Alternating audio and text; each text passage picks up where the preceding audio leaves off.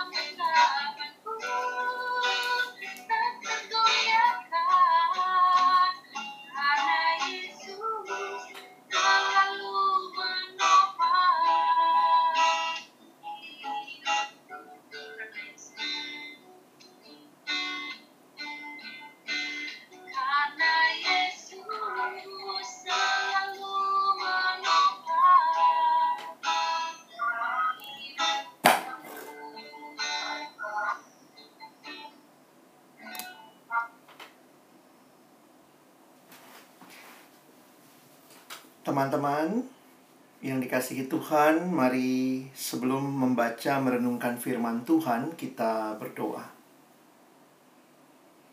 Bapa di dalam surga kami bersyukur, berterima kasih untuk cinta kasih-Mu, anugerah-Mu dalam hidup kami secara khusus hari ini. Tuhan memberikan kesempatan kami bersekutu kembali memuji memuliakan namamu Tuhan. Walaupun secara virtual, secara online, tetapi tetap yang pasti Engkau hadir dan menyertai kami. Kembali kami akan membuka firman-Mu ya Tuhan, kami mohon bukalah juga hati kami. Jadikanlah hati kami seperti tanah yang baik, supaya ketika benih firman Tuhan ditaburkan boleh sungguh-sungguh berakar, bertumbuh, dan juga berbuah nyata di dalam hidup kami. Berkati baik hambamu yang menyampaikan setiap kami yang mendengar, Tuhan tolonglah kami semua. Agar kami bukan hanya jadi pendengar-pendengar firman yang setia, tapi mampukan kami dengan kuasa dari rohmu yang kudus, kami dimampukan menjadi pelaku-pelaku firman-Mu di dalam hidup kami, di dalam keseharian kami. Bersabdalah ya Tuhan, kami anak-anakmu sedia mendengarnya dalam satu nama yang kudus, nama yang berkuasa, nama Tuhan kami Yesus Kristus. Kami menyerahkan pemberitaan firman-Mu. Amin. Shalom teman-teman sekalian. Saya bersyukur kesempatan seperti ini jadi apa ya kesempatan yang indah boleh sharing firman Tuhan. Jujur ketika situasi ini terjadi awalnya mungkin banyak orang yang bingung gitu ya apa yang bisa dilakukan dalam situasi seperti ini tetapi satu hal yang menarik kita tetap bisa bersekutu. Kita tetap bisa menikmati kebersamaan, kita bersyukur untuk teknologi. Tentu semua ada kekurangan. Ketemu langsung itu lebih enak begitu ya, tapi di tengah-tengah kesukaran seperti ini saya pikir kita perlu untuk terus mencari cara menikmati persekutuan dengan Tuhan dan dengan sesama. Nah, teman-teman yang dikasihi Tuhan malam hari ini tema kita adalah setia di tengah kesukaran. Nah, saya terus bergumul sebenarnya karena saya coba mendalami, mem mem memahami apa sih yang sebenarnya sedang terjadi, lalu apa yang firman Tuhan sampaikan.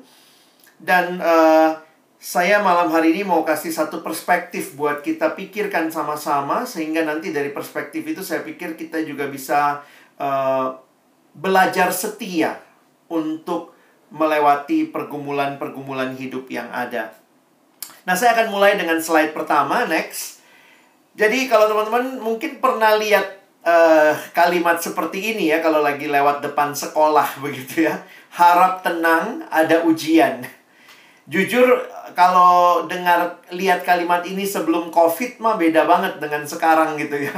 Jadi ini seperti ada dua makna bahwa ya inilah realita yang sedang kita hadapi yang disebut dengan tantangan ujian dan harap tenang ada ujian.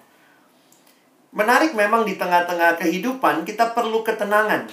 Ujian aja butuh tenang karena dengan tenang kita bisa berpikir dengan jernih. Kita lihat ayat berikutnya next. Jadi saya mulai dengan ayat ini gitu ya. Bahwa 1 Petrus pasal 4 kalau eh, teman-teman membaca 1 Petrus itu surat yang syarat dengan nuansa penderitaan. Karena Rasul Petrus menuliskan kepada jemaat yang sedang berada di dalam penderitaan. Dan dia mengatakan di 1 Petrus 4 ayat yang ketujuh, kesudahan segala sesuatu sudah dekat. Karena itu kuasailah dirimu dan jadilah tenang. Kenapa? Dengan demikian supaya kamu dapat berdoa. Harap tenang, ada ujian, waktu tenang bisa berpikir jernih dan kemudian kita bisa berdoa. Nah, malam hari ini saya tidak akan bahas Petrus. Ini sebenarnya waktu saya bergumul Petrus atau apa gitu ya, tapi kemudian saya memutuskan akan membawakan dalam kitab Roma. Next slide, kita lihat Roma pasal yang ke-8 ayat yang ke-28 sampai dengan ayat yang ke-39. Kita coba melihat perspektif yang Paulus sampaikan di dalam bagian ini. Roma pasal yang ke-8 ayat 28 sampai dengan ayatnya yang ke-39. Saya akan bacakan buat kita. Kita tahu sekarang bahwa Allah turut bekerja dalam segala sesuatu untuk mendatangkan kebaikan bagi mereka yang mengasihi Dia, yaitu bagi mereka yang terpanggil sesuai dengan rencana Allah. Sebab semua orang yang dipilihnya dari semula, mereka juga ditentukannya dari semula untuk menjadi serupa dengan gambaran anaknya, supaya ia, anaknya itu, menjadi yang sulung di antara banyak saudara. Dan mereka yang ditentukannya dari semula mereka itu juga dipanggilnya. Dan mereka yang dipanggilnya, mereka itu juga dibenarkannya. Dan mereka yang dibenarkannya, mereka itu juga dimuliakannya. Sebab itu, apakah yang akan kita katakan tentang semuanya itu? Jika Allah di pihak kita, siapakah yang akan melawan kita? Ia yang tidak menyayangkan anaknya sendiri tetapi yang menyerahkannya bagi kita semua. Bagaimanakah mungkin ia tidak mengaruniakan segala sesuatu kepada kita bersama-sama dengan dia? Siapakah yang akan menggugat orang-orang pilihan Allah? Allah yang membenarkan mereka. Siapakah yang akan menghukum mereka? Kristus Yesus yang telah mati. Bahkan lebih lagi, yang telah bangkit dan juga duduk di sebelah kanan Allah yang malah menjadi pembela bagi kita. Siapakah yang akan memisahkan kita dari kasih Kristus? Penindasan, atau kekesesakan, atau penganiayaan, atau kelaparan, atau ketelanjangan, atau bahaya, atau pedang. seperti ada tertulis, "Oleh karena engkau, kami ada dalam bahaya maut sepanjang hari. Kami telah dianggap sebagai domba-domba sembelihan." Tetapi dalam semuanya itu kita lebih daripada orang-orang yang menang oleh Dia yang telah mengasihi kita. Sebab aku yakin bahwa baik maut maupun hidup, baik malaikat-malaikat maupun pemerintah-pemerintah, baik yang ada sekarang maupun yang akan datang, atau kuasa-kuasa baik yang di atas maupun yang di bawah, ataupun sesuatu makhluk lain, tidak akan dapat memisahkan kita dari kasih Allah yang ada dalam Kristus Yesus Tuhan kita.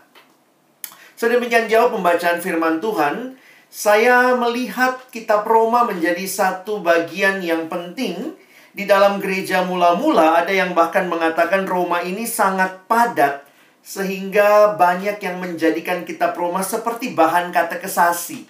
Karena di dalamnya semua bagian-bagian penting dalam iman Kristen bukan hanya doktrinal tetapi dalam aplikasi hidup sehari-hari nyata di dalam kitab Roma. Nah, karena itu saya ingin mengajak kita mempelajari bagian ini pada malam hari ini. Mari kita lihat sama-sama slide berikutnya. Jadi, teman-teman yang dikasihi Tuhan, iman Kristen itu beda sekali dengan iman di dalam kepercayaan yang lain. Iman Kristen bukan hanya berpusat pada ajarannya Yesus, tetapi iman orang Kristen berpusat kepada pribadi Yesus Kristus kepada segenap karyanya bagi manusia. Hal inilah yang membuat kita sebagai muridnya bukan hanya diminta untuk mengikuti ajarannya, tetapi juga diminta untuk menerima dia sebagai Tuhan dan Juru Selamat kita secara pribadi. Nah bagi saya ini menarik sekali.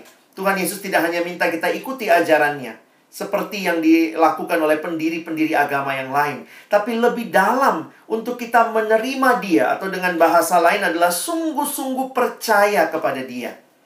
Dan karena itu, di dalam teologianya Paulus, teologianya Petrus, teologianya Yohanes, sangat penting apa yang disebut dengan di dalam Kristus. Ketika kita menerima Kristus sebagai Tuhan dan Juru Selamat kita secara pribadi, kita bersatu dengan Kristus. Dan kesatuan dengan Kristus ini membawa perubahan hidup yang luar biasa. Termasuk di dalamnya, saya pikir kita butuh teologi yang lebih utuh tentang penderitaan. Kenapa? Karena saya pikir di dalam hidup kita akan selalu mengalami pergumulan. Setelah COVID ini apakah selesai pergumulan hidup kita? Bahkan sebelum COVID pun sudah banyak pergumulan juga yang kita alami. Sehari-hari kehidupan orang Kristen itu dekat dengan pergumulan, dekat dengan tantangan, kesukaran. Karena itu saya pikir kita terus bisa melihat dengan perspektif yang lebih utuh. Saya masuk ke slide berikutnya. Jadi, hidup dalam Kristus bukan berarti hidup kita sebagai murid akan mengalami kelancaran senantiasa. Penderitaan, kesukaran hidup adalah bagian yang nyata sekali dari hidup beriman kepada Kristus. Tetapi kita diberikan kekuatan dalam ayat yang kita baca tadi, kita diberikan keyakinan bahwa bersama dengan Yesus kita dimampukan mengatasi hal tersebut. Jadi saya ingin mengajak kita melihat kenapa Paulus bisa begitu yakin akan hal ini. Apa sih yang menjadi keyakinan dia? Nah, saya melihat kuncinya salah satunya adalah di dalam teologi kitab Roma yang sangat kuat Paulus jelaskan bahwa keselamatan itu adalah karena anugerah Allah bukan karena usaha manusia. Next slide. Nah, jadi teman-teman yang dikasihi Tuhan, saya menuliskan begini ya, dalam kitab Roma Paulus menjabarkan dasar yang kokoh sekali tentang doktrin pembenaran karena iman. Justification by faith. Jadi sebagai murid-murid Kristus, sebelum kita bicara menjadi setia di tengah kesukaran, kita perlu memahami dulu apa sih yang sebenarnya menjadi dasar kesetiaan kita. Jadi, saya malam hari ini mau ajak kita melihatnya dari sisi itu dulu ya. Karena kalau bicara setia dan segala macam, saya pikir juga orang-orang di kepercayaan yang lain juga dalam situasi ini ada ya, sabar, tenang. Itu juga diajarkan bahkan juga secara terapi psikologis juga bisa begitu ya. Tapi apa sih yang sebenarnya memberikan kedamaian yang sejati? Saya melihat Paulus punya dasar kepada pembenaran karena iman. Keselamatan di dalam karya Kristus. Nah, karena itu kalau teman-teman mempelajari mulai dari Roma 1 sebenarnya itu jelas sekali ya Roma 1 bicara sem, uh, manusia berdosa, lalu Roma 3 menyimpulkan semua manusia berdosa. Nah, Roma 6 kita diberitahu ada hidup yang berkemenangan ketika kita percaya pada Kristus. Dan dilanjutkan di Roma pasal yang ketujuh, ada kebebasan yang sesungguhnya. Bukan lagi hamba dosa, tapi kita jadi hamba kebenaran Memang masih ada pergumulan melawan natur-natur dosa yang lama, tetapi kita sudah ada di dalam karya Kristus yang sempurna.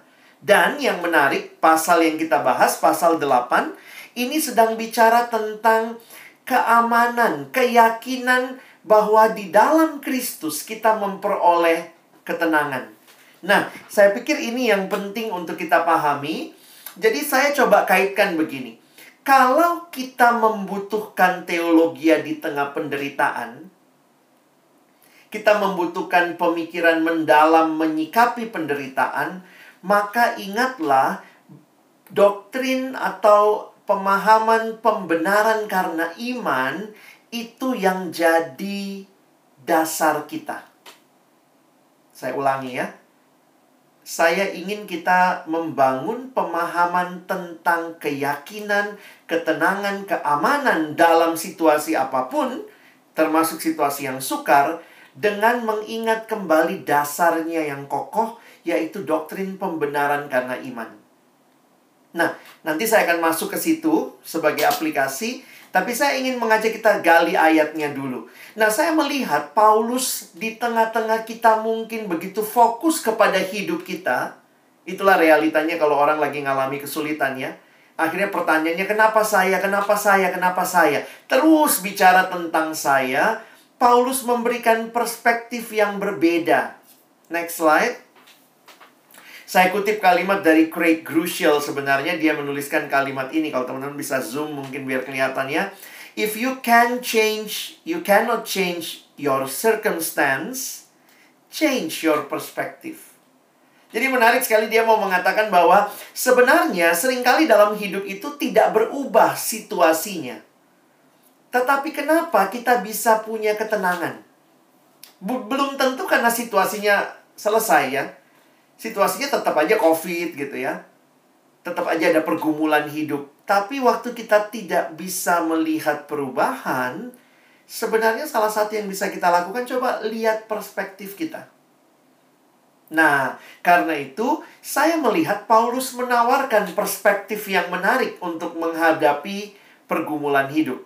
Ini bukan hal yang baru, tentu kita udah saling tahu kita murid-murid Kristus, kita orang-orang yang dibina, orang-orang yang melayani di perkantas.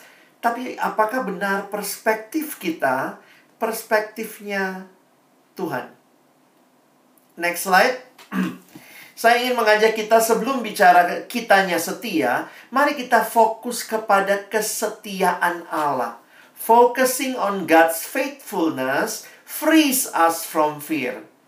Hanya dengan fokus kepada kesetiaan Allah itu membebaskan kita dari ketakutan. Nah, mari kita lihat ayat-ayat yang kita baca tadi. Saya mengambil pendekatan yang di, disampaikan dalam satu buku yang ditulis oleh John Stott waktu dia menafsir kitab Roma. dia mencoba membaginya dalam tiga hal ya.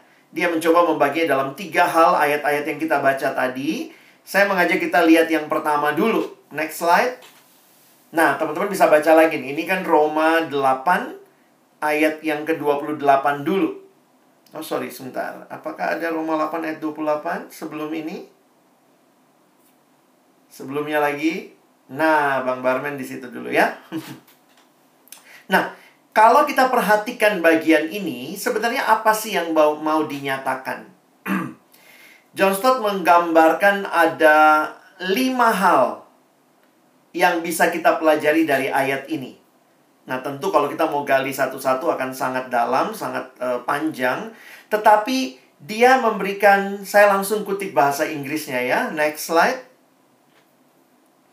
Dia mengatakan ada lima keyakinan yang tidak bisa digoyahkan. Yang dipelajari dari verse 28, dari ayat 28.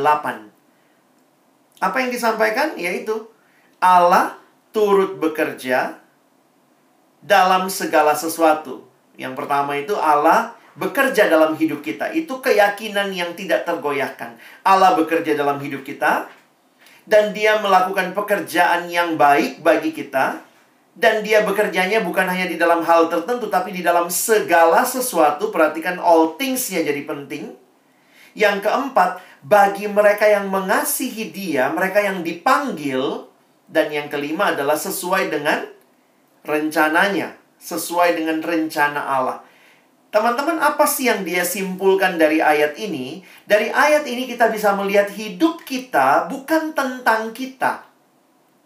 Tapi ayat ini, ayat 28, waktu dibagi dalam lima hal ini, teman-teman bisa melihat inilah lima hal yang menjadi keyakinan kita yang tidak tergoyahkan bahwa hidupmu, hidupku ada di dalam next slide. Ini bicara God's providence. Providensia Allah atau bahasanya secara sederhana pemeliharaan Allah. Kalau teman-teman tahu bahwa hidup kita ini segala sesuatu terjadi untuk kebaikan kita, itu pekerjaannya Allah, itu pemeliharaannya Allah, maka kita melihat yang pertama adalah God's providence. Lima hal yang muncul dalam ayat yang ke-28 menyatakan Allah hadir dan memelihara. Sebelum kita bicara kesetiaan kita, pandanglah dengan perspektif yang benar kepada Allah yang setia dan dalam kesetiaannya dia menyediakan, dia mencukupkan semua kebutuhan kita. Ini yang pertama. Yang kedua, next slide. Yang kedua kita bisa fokus ke ayat 29 dan 30. Nah, teman-teman memang kalau dipakai uh, diteliti satu-satu ya. Saya kutip lagi John Stott mengangkat ini ada lima hal lagi yang bisa kita pelajari. Dari ayat 29 sampai ayat 30. Ada apa yang bisa kita pelajari? Ada lima hal, dia simpulkannya Demikian, next slide. Nanti teman-teman bisa gali lagi, saya tuliskan bahasa Inggrisnya di sini ya. Perhatikan ada lima undeniable affirmation. Jadi ada peneguhan afirmasi yang tidak terbantahkan. Dan semua afirmasi ini berkaitan dengan kita sebagai umat Allah. Jadi menarik sekali kalau kita lihat ini sebenarnya menurut uh, penafsir Alkitab ini menjelaskan akhir ayat 28 tadi. Masih ingat tadi ayat 28 mengatakan sesuai dengan orang-orang yang terpanggil sesuai dengan rencana Allah. Nah, ternyata Allah yang berencana itu Allah yang bagaimana? Nah, ini bisa kita lihat lima hal. Dalam hidup kita, they refer to God's people, berarti kepada kita, kita adalah orang-orang yang Tuhan pilih. Itu istilah yang dipakai ya. Orang-orang yang dipilihnya dari semula itu God for new. Orang-orang yang dipilihnya dari semula. Itu berarti Allah memang mengasihi kita dari sejak semula. Lalu kemudian perhatikan istilah kedua adalah whom he predestined. Orang yang ditentukannya dari semula untuk menjadi serupa dengan gambaran anaknya.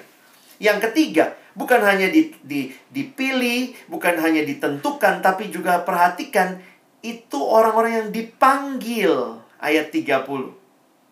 Yang dipanggil itu apalagi mereka dibenarkannya. Itu yang keempat, whom he justified. Dan mereka yang dibenarkannya, mereka juga dimuliakannya. Yang kelima, whom he glorified. Saya menulis catatan dari John Stott di situ. Dia mengatakan, meskipun glorification kita itu kan terjadinya nanti akhir zaman ya.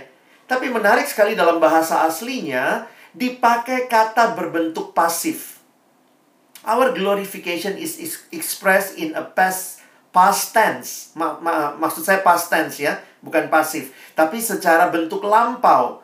Karena meskipun ini sesuatu yang akan terjadi nanti, tapi sudah pasti karena itu digunakan bentuk past tense. Jadi bagi saya, uh, kalau yang tadi bicara tentang Allah yang memelihara, bagian yang berikutnya adalah next ayat 29 sampai 30 ini bicara tentang Allah yang punya tujuan, Allah yang punya rencana bagi hidup kita. Jadi saya ulangi lagi ya. Perhatikan ketika Paulus mau mengajak jemaat setia, dia menunjuk mereka kepada kesetiaan Allah. Dan Allahnya Allah yang seperti apa? Yang pertama, lima hal tadi menunjukkan Allah adalah Allah yang punya pemeliharaan yang sempurna. Ayat 2930 dia tunjukkan lagi Allah ini adalah Allah yang punya rencana dalam hidup anak-anaknya. Karena itu dia pilih, dia panggil, dia muliakan kita, dia benarkan, dia muliakan. Ini menunjukkan Allah punya rencana. Teman-teman, kehadiran kita di dalam dunia ini bukan kebetulan. Kadang-kadang kalau situasi sukar, orang langsung bisa bilang begini, Tuhan kayaknya lagi nggak suka sama aku, gitu ya. Tuhan kayaknya kok tega kali sama aku gitu ya. Jadi hal-hal seperti itu gampang sekali muncul di tengah kesulitan. Tuhan tidak pelihara hidupku. Buktinya apa? Lihatlah, uh, pekerjaan makin sulit, uh, yang studi juga makin sulit, uh, beberapa orang harus berhenti bekerja. Jadi Paulus seolah-olah mengingatkan, ingat God's providence, ingat God's purpose. Dan bagian yang ketiga, kita lihat mulai ayat 31 next slide. Nanti teman-teman bisa gali lagi ayat 31 sampai ayat 35. Teman-teman sebenarnya bisa hitung ya. Hitungnya gampang. Cara hitungnya coba lihat di slide, hitung tanda tanyanya saja. Apakah yang kita katakan tentang semua itu tanda tanya? Satu, jika Allah di pihak kita. Dua. Ayat 32 bersama-sama dengan dia. Tiga. Sebenarnya yang pertama tuh uh, ini ya.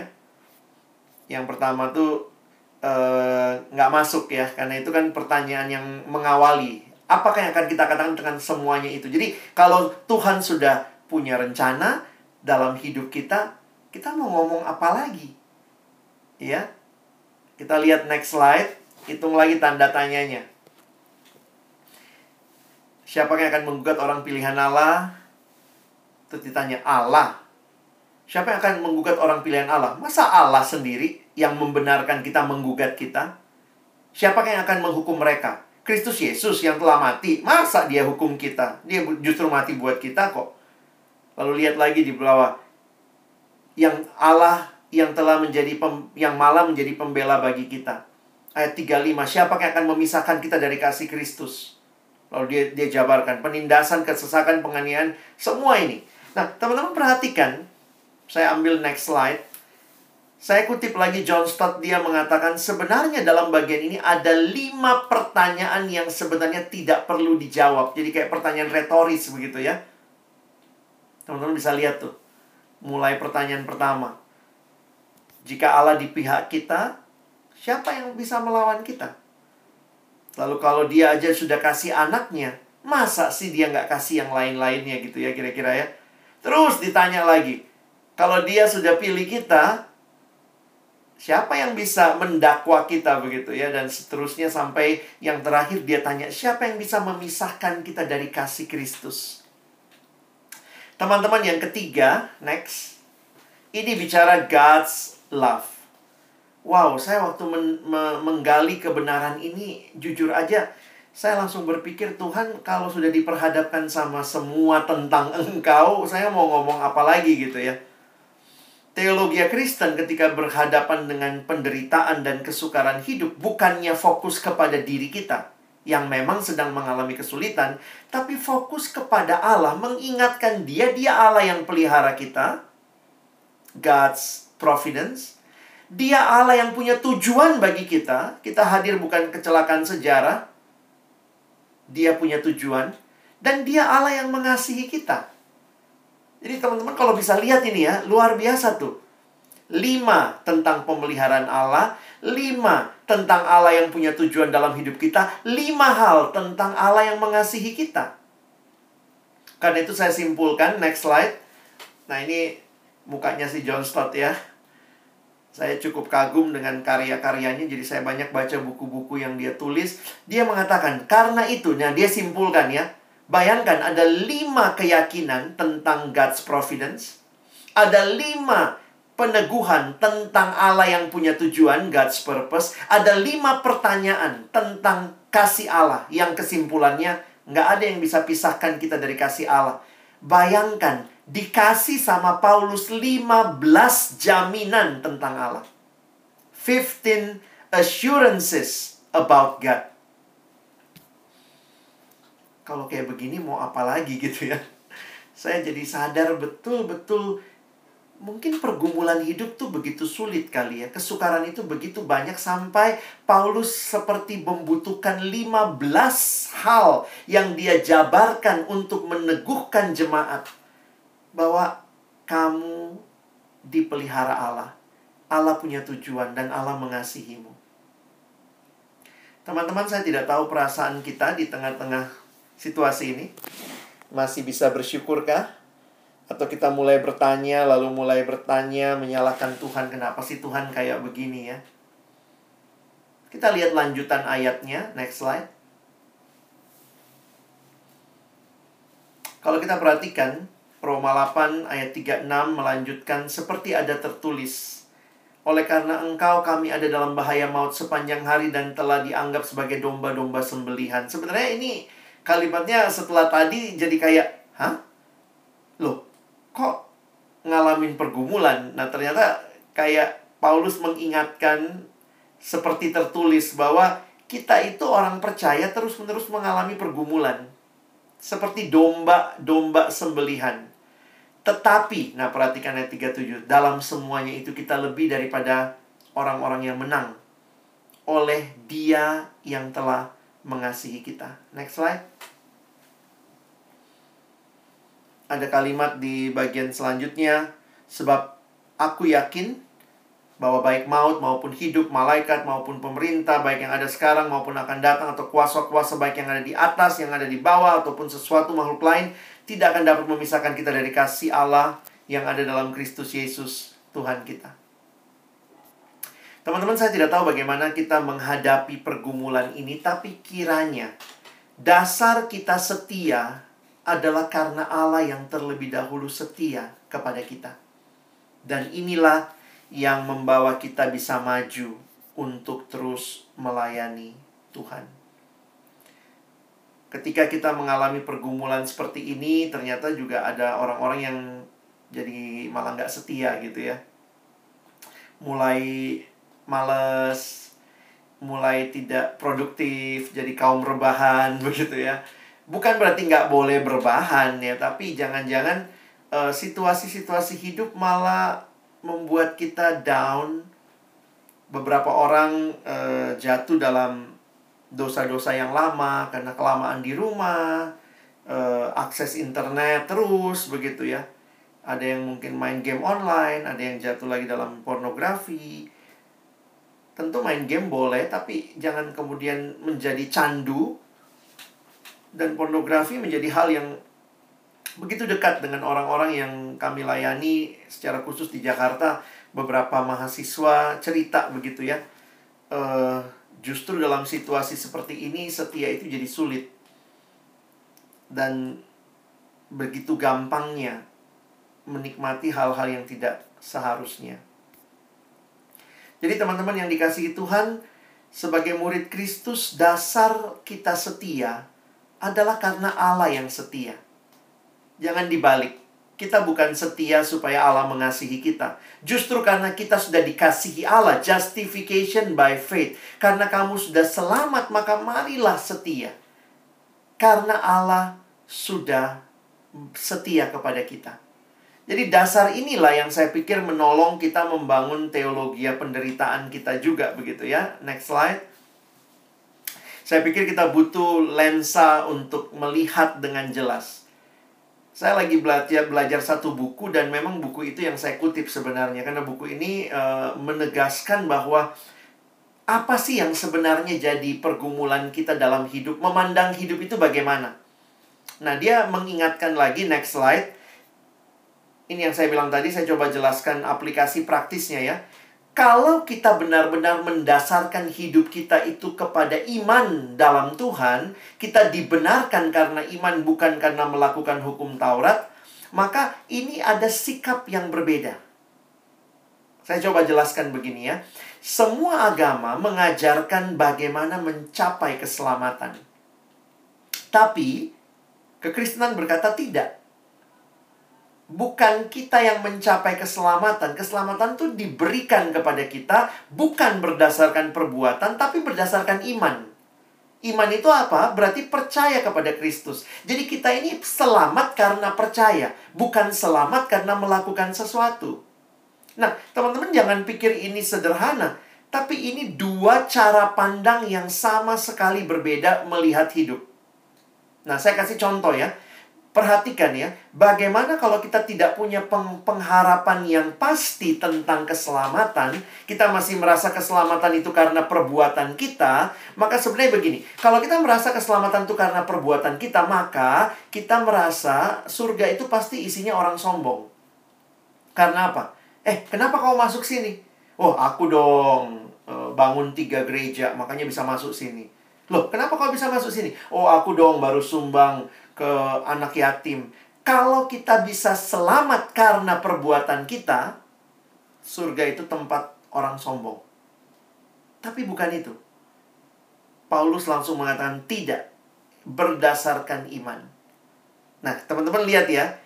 Dari teologi ini, lihat bagaimana membangun pemahaman. Next ya. Ini saya coba masuk aplikasi yang agak filosofis. Jadi kita coba bandingkan antara agama sama Injil agama itu ya semua kita kita mengkategorikan Kristen agama juga tapi bagi saya saya mau mengkategorikan kekristenan bicara Injil kabar baik. Next. Kalau agama itu semua agama manusia cari Allah. Kalau Injil Allah yang cari manusia. Nah, ini masih masih sederhana ya. Coba lagi next slide.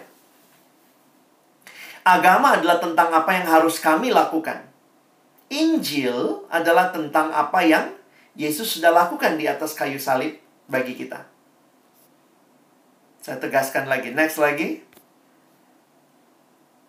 Agama adalah tentang do, lakukan ini, lakukan itu. Injil adalah tentang dan. Sudah selesai. Makanya kita nggak usah melakukan apa-apa. Kita cukup percaya kok kepada Tuhan. Itu yang Tuhan minta dari kita. Nah, kenapa ini penting? Karena waktu menghadapi corona, next slide ya. Misalnya begitu kita mengalami penderitaan, saya coba bandingkan begini. Bagaimana sikap terhadap penderitaan? Agama selalu akan berpikir Next slide. Agama melihat penderitaan hidup sebagai hukuman dari Tuhan. Itu agama. Sementara Injil melihat penderitaan hidup sebagai bagian dari proses pembentukan karakter agar kita semakin serupa dengan Yesus yang pernah menderita bagi kita. Teman-teman bisa perhatikan ya bedanya ya. Poin saya begini. Kalau kita beragama, kan agama itu adalah apa yang harus saya lakukan, apa yang harus saya lakukan. Nah, begitu melihat saya dihukum Tuhan, ada penderitaan, oh Tuhan lagi hukum saya. Berarti muncul lagi pemikiran, apalagi yang harus saya lakukan supaya Tuhan tidak murka. Sehingga tidak heran, banyak orang berusaha menghindari penderitaan dengan upaya gimana nih. Tuhan mau apa lagi nih? Apalagi yang mesti saya kasih sama Tuhan. Jadi kita kayak nyogok Tuhan tuh. Sikap terhadap penderitaan, adalah melihat apa lagi yang masih kurang sih? Kok saya masih menderita? Tuhan ini mau maunya apa sih? Sementara Injil apa yang sudah Tuhan lakukan dan karena dia sudah menyelamatkan kita, sekarang kalau saya mengalami penderitaan, maka pertanyaannya Tuhan mau ajarkan apa dalam penderitaan ini bagi saya? Penderitaan itu tidak membuat kita tidak dikasihi Tuhan. Jangan berpikir terbalik. Tadi Paulus sudah bilang kan, banyak orang dalam penderitaan, dia langsung mikir, apalagi yang saya mesti lakukan supaya Tuhan mengasihi saya. Dan kalau Tuhan mengasihi saya, berarti saya bebas dari penderitaan. Kekristenan tidak membuat penderitaan itu nggak ada. Teologi Kristen mengatakan ada penderitaan, tapi penderitaan itu tidak membuat kasih Kristus berhenti bagi kita. Karena itu, kalau kita menghadapi penderitaan, berarti kita bisa bertanya, Tuhan yang mengasihiku, apa yang engkau mau aku pelajari? Beda. Beda banget. Yang satu berpikir tentang apa lagi yang saya harus lakukan. Yang satu percaya Tuhan, ketika kau mati bagiku di kayu salib, engkau sudah mengasihiku full. Tidak ada lagi yang bisa menambah atau mengurangi kasihmu kepadaku. Kalau sekarang saya menghadapi penderitaan, Tuhan, apa yang saya bisa pelajari? Jadi penderitaan tidak menghancurkan kita, tetapi menjadi tempat pembentukan kita. Jadi saya berharap mengerti, jadi mengerti doktrin yang sederhana itu ternyata dampaknya luar biasa buat hidup. Memang ada tiga makna penderitaan. Next, kita lihat dulu. Saya kutip sebenarnya dari ceramah uh, apa ya dari dari kesimpulan uh, buku yang mengatakan bisa lanjut aja, saya nggak lewat uh, lewatin ayat ini. Kita langsung ke tiga makna penderitaannya. Yang pertama, menderita karena hukuman atau konsekuensi dosa. Jadi, ini beda sama yang tadi ya. Kalau yang agama tuh kan melihat apa yang masih kurang sebagai penderitaan hidup. Tapi, apakah penderitaan itu karena konsekuensi dosa? Misalnya, dia nyolong ayam, lalu masuk penjara. Itu penderitaan kan? Dia tuh menderita karena konsekuensi dosanya sendiri. Nah, yang kedua, menderita sebagai ujian pertumbuhan iman kepada Allah. Contohnya Yusuf, Daniel, itu kan Yusuf digoda tante Potifar, masuk ke penjara, Daniel masuk ke gua singa. Yang ketiga, nah ini yang menarik nih. Ada model penderitaan Ayub. Modelnya apa? Ayub itu tidak melakukan apa yang salah.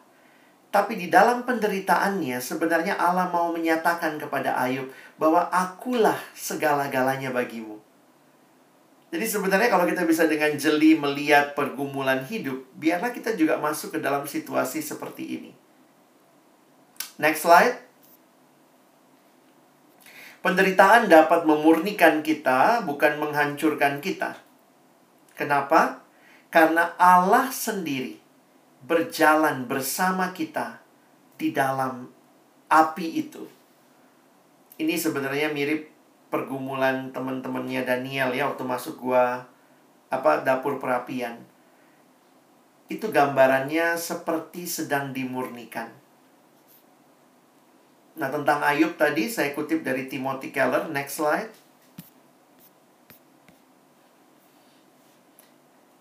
Job atau Ayub never saw why he suffered. Kalau teman-teman pelajari kitab Ayub, Tuhan bahkan nggak kasih alasan kenapa kamu menderita.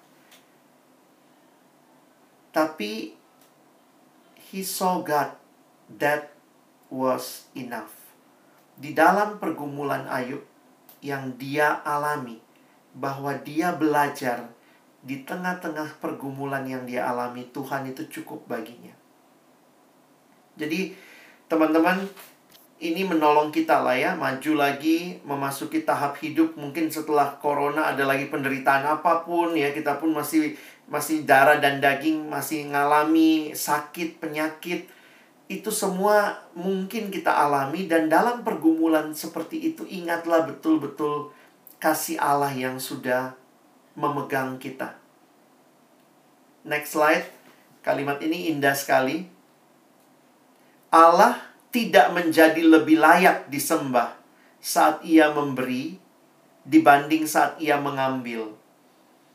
Kalau semua itu dari Allah, maka harusnya Allah disembah bukan hanya waktu dia ngasih, tapi waktu dia ngambil pun kita harus bisa belajar berkata seperti Ayub, terpujilah Tuhan, walaupun tidak mudah.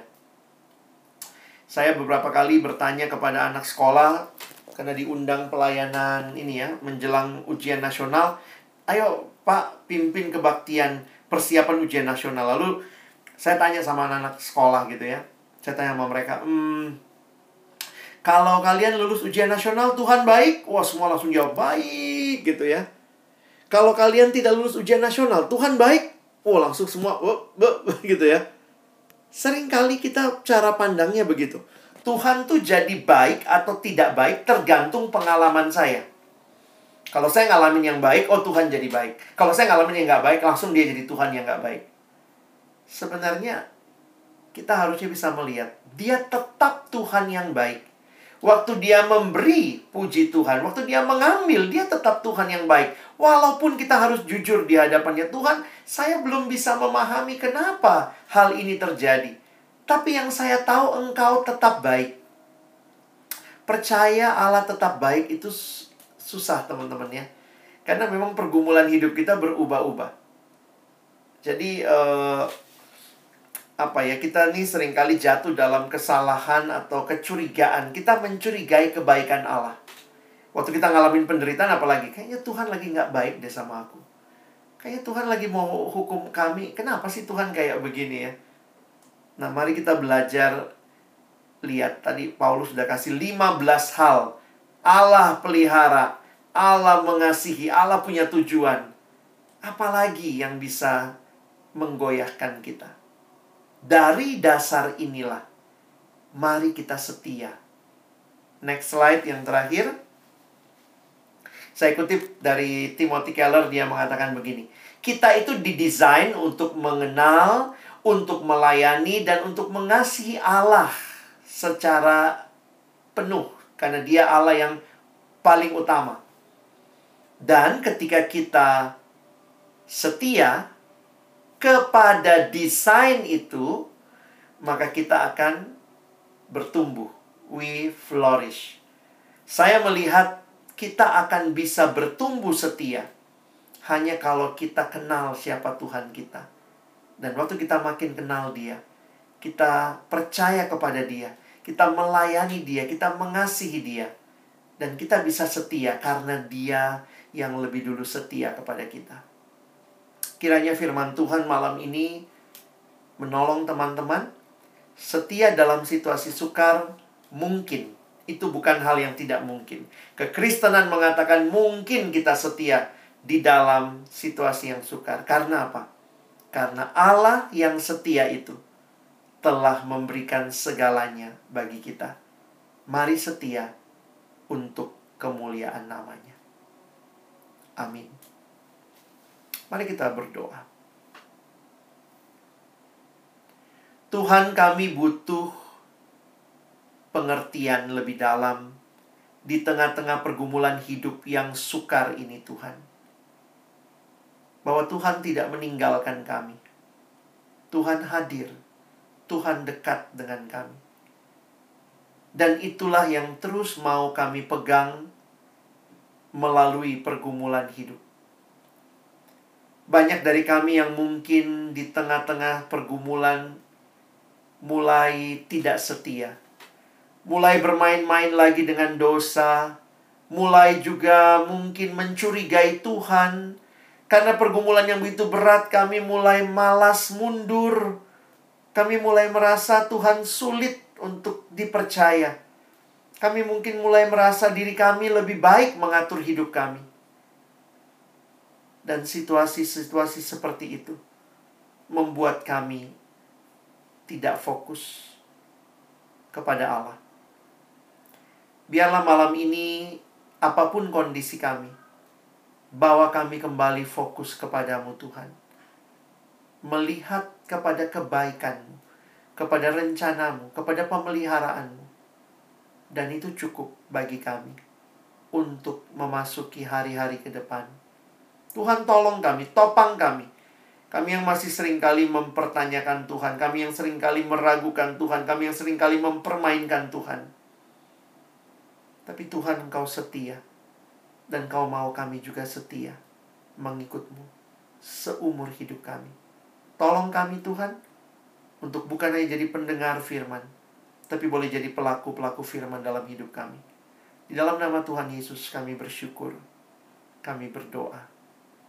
Amin.